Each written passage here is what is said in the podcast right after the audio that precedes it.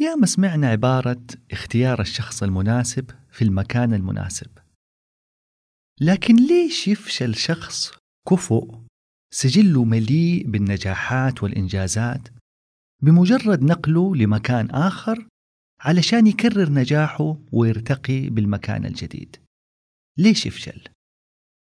هل لأنه نجاحه في المكان الأول كان صدفة؟ أو أنه ظروف ساعدته في مكانه الأول؟ أو أنه فريقه الأول كان أقوى من الفريق الجديد؟ أو أو أو أو ممكن كل شيء وارد لكن اليوم راح نجيب على هذا السؤال بمنظور جديد خارج عن سياق الأسئلة السابقة وراح نتكلم عن طريقة اختيار الشخص المناسب في المكان المناسب. حلقة اليوم بعنوان ما هي صفات القائد التوسعي؟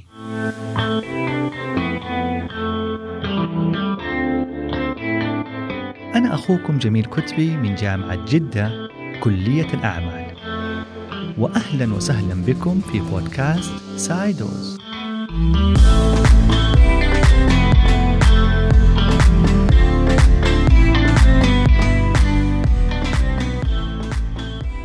إنسان منح الله مهارات معينة تتناسب مع مواقع وظروف خاصة.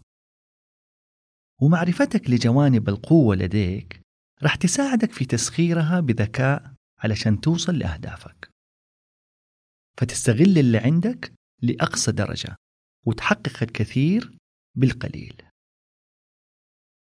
المشكلة تقع لما ما يفهم مجلس الإدارة أو كبار المسؤولين في مختلف الكيانات لأنواع القادة المرشحين لمهمة قيادية معينة. هذا راح يؤدي لوضع الشخص الممتاز في المكان الخطأ.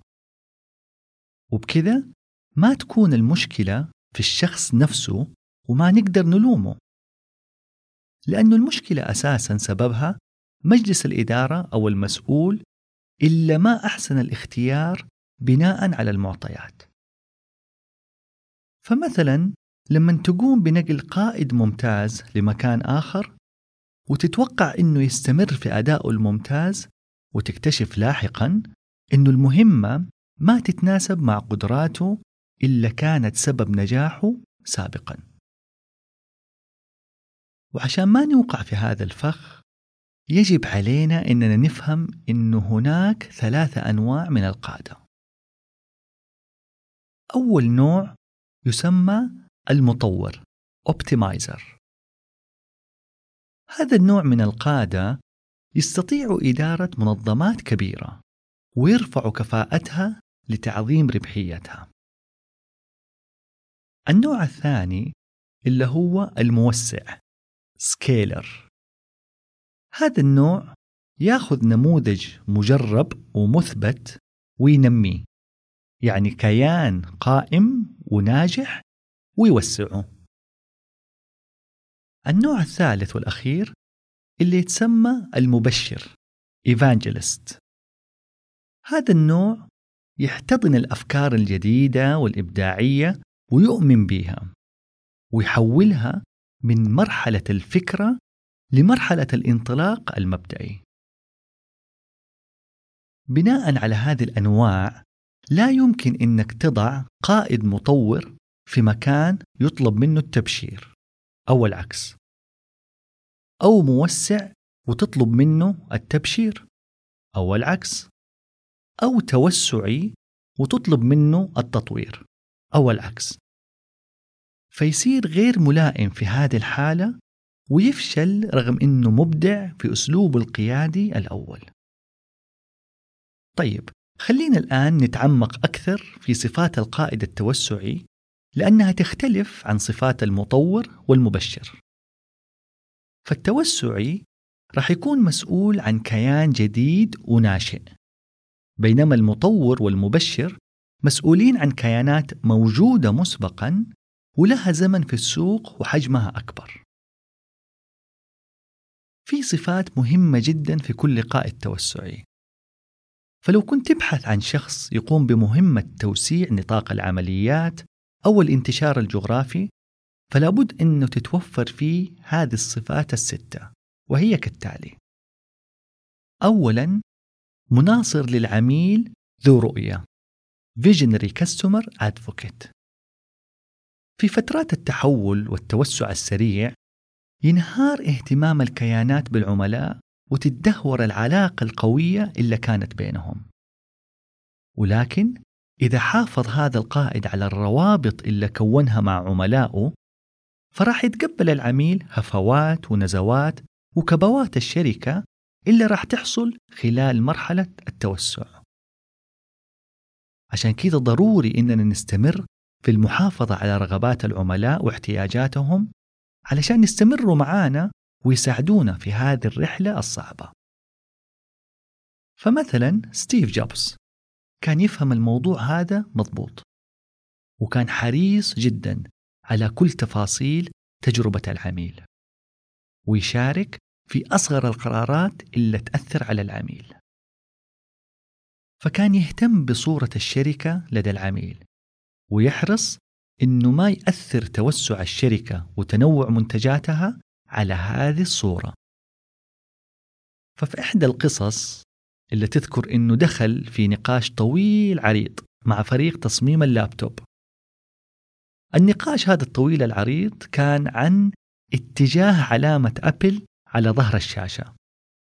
فلما يكون الجهاز مقفل راح يشوف العميل التفاحة باتجاهها الطبيعي ولكن بمجرد فتح الشاشة راح تظهر التفاحة مقلوبة لكل واحد يشوفك. وعلشان كذا قرر إنه يتم العكس بحيث يرى الآخرين العلامة بشكلها الصحيح فما تهتز صورة العميل في أعين الآخرين. وزي ما يقولوا الشيطان في التفاصيل. وفي أيضا قصة ثانية جميلة عن فرقة روك عالمية مشهورة جدا كانت في شروط حقتها اللي تعطيها للمنظمين لهذه الحفلات. كان عندهم شروط كثيرة وكانوا يهتموا مهم بالنسبة لهم أدق التفاصيل. ولكن كان صعب بالنسبة لهم أنه يراجعوا كل هذه التفاصيل والأشياء الصغيرة. لكن كانوا يحطوا في الشروط تريك صغير كذا أو شرط صغير كذا يعرفوا. إذا أتحقق هذا الشرط أو شافوه يعرفوا أنه بقية كل الشروط هذه اهتموا فيها وتم تطبيقها.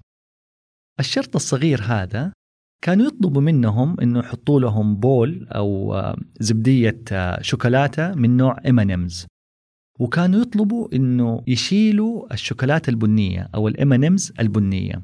فكل الألوان موجودة ما عدا البنية.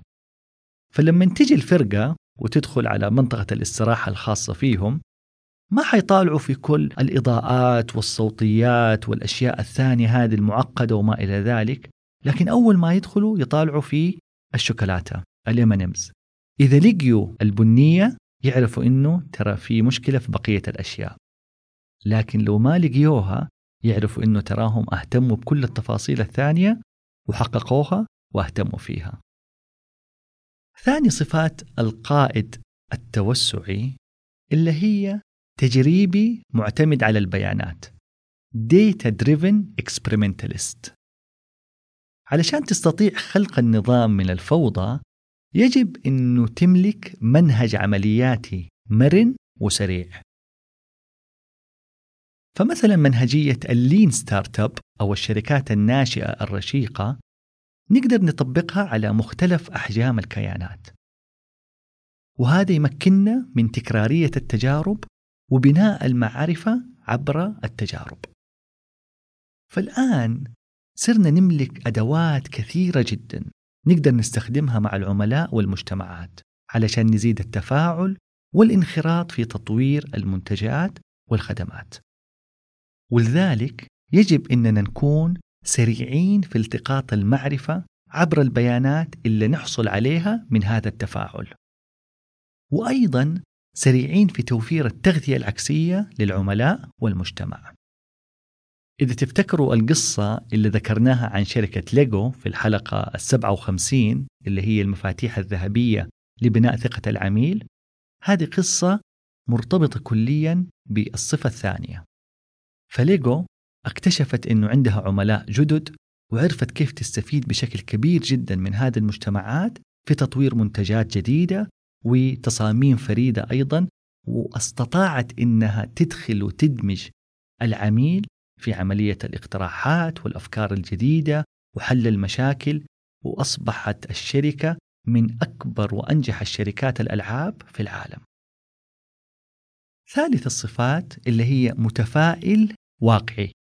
Optimistic realist. فرحلة التوسع السريع صعبة خصوصا محاولة فهم وتحديد الوضع الواقعي والفرص الكامنة بداخله. لذلك يجب على القائد إنه يرى الفرص في بطن الكوارث والصعوبات اللي يواجهها خلال هذه الرحلة.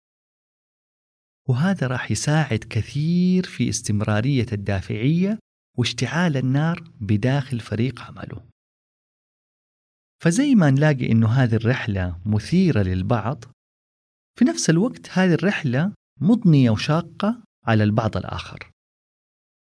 وعشان كده يجب إنه ما يتسلل التشاؤم لعقول فريق عملك لأنه وقتها راح تواجه صراع أكبر من صراع التوسع. فتتأثر قدرتك على اتخاذ قرارات وتحيد عن أهدافك الكبيرة والمهمة. رابع المواصفات تأقلم عالي Extreme Adaptability. مع توسع مشروعك وتحول نشاطاتك يجب أنه يواكب ذلك تحول في الإدارة وقدراتها.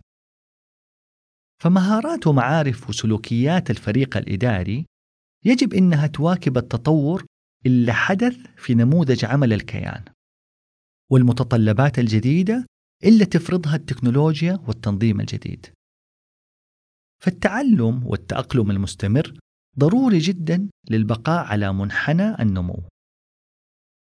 وشفنا أمام أعيننا كيف خرجت كثير من الشركات من السوق خلال وبعد كورونا لأسباب كثيرة لكن من أهمها إنه ما كانوا قادرين إنهم يواكبوا التغيرات اللي حدثت في السوق وسلوكيات الناس.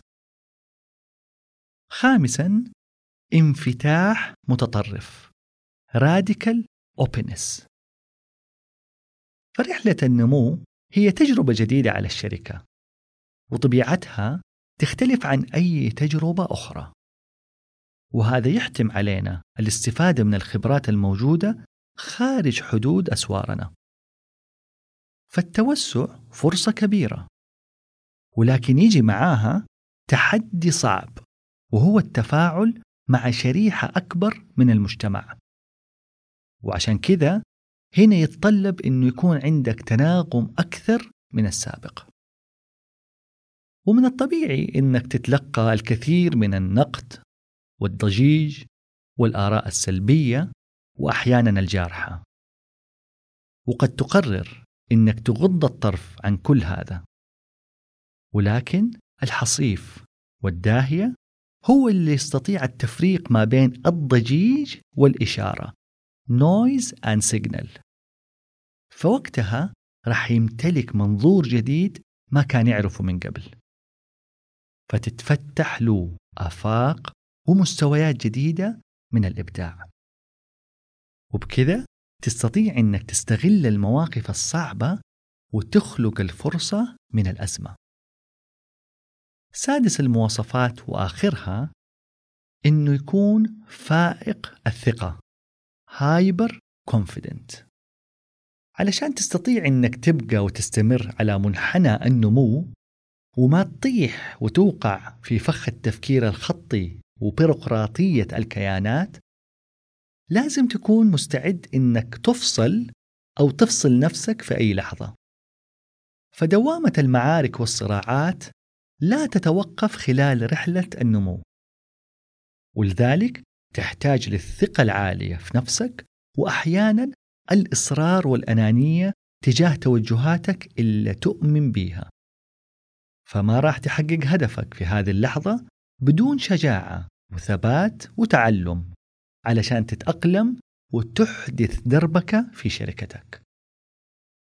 هذه ست صفات يجب إنها تتوفر في كل قائد توسعي والآن أصبح بمقدورك معرفة ما هي المهارات اللي تنقصك علشان تصير قائد توسعي علشان تشتغل عليها وتطورها في نفسك.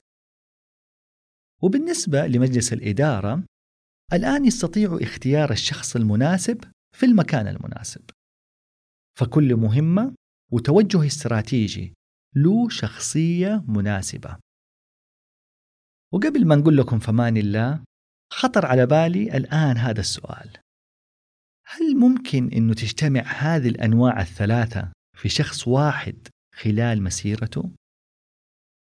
فيصير وقتها قائد بإمكانه التوسع والتبشير والتطوير؟ فلو تعرفوا شخص بهذه المواصفات يا ريت تكتبوها لنا في التعليقات لأنه يسعدنا نتعرف على هذول الأشخاص ونعرف منهم أكثر كيف استطاعوا أنهم يملكوا هذه الثلاثة الأنواع من الصفات أو من أنواع القيادية في نفس الشخصية. طيب في الختام الحقيقة أشكركم على حسن وطيب استماعكم وإصغائكم. ولا تنسوا تشاركوا الحلقة مع أهلكم وأصحابكم وحبايبكم علشان تعم الفائدة. وما نستغني أبدا عن دعمكم وتقييمكم للبودكاست من خمسة نجوم. وبحول الله نشوفكم في الحلقة القادمة من بودكاست سايدوز. فمان الله.